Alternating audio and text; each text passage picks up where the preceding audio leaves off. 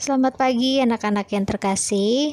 Sebelum memulai pelajaran hari ini, kita akan mendengarkan renungan dengan judul Anak yang Hilang. Renungan pagi hari ini diambil dari Matius 18 ayat 14.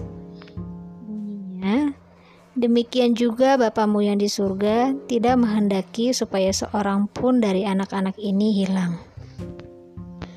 Tito masih bermain-main di sekolah sampai siang. Ia tidak mau cepat pulang karena takut mamanya masih marah dengan kejadian kemarin. Kiki baru saja keluar dari kelas dan kaget melihat Tito masih di sekolah. Tok, kok kamu belum pulang? Mama pasti mencari kamu, kata Kiki panik. Sepertinya enggak deh kak, Mama kan lebih sayang kak Kiki, kata Tito. Tito, mana mungkin Mama enggak sayang kamu? Buktinya Mama selalu berpesan untuk menjaga kamu. Jawab Kiki.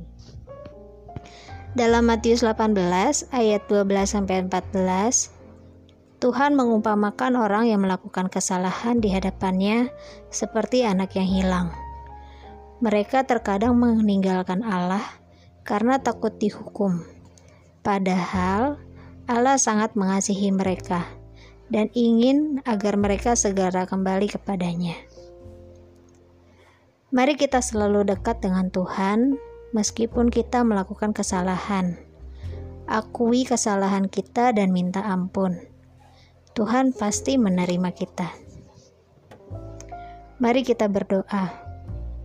Bapa di surga, ajarlah aku untuk selalu dekat denganmu. Dalam nama Tuhan Yesus, aku berdoa. Amin.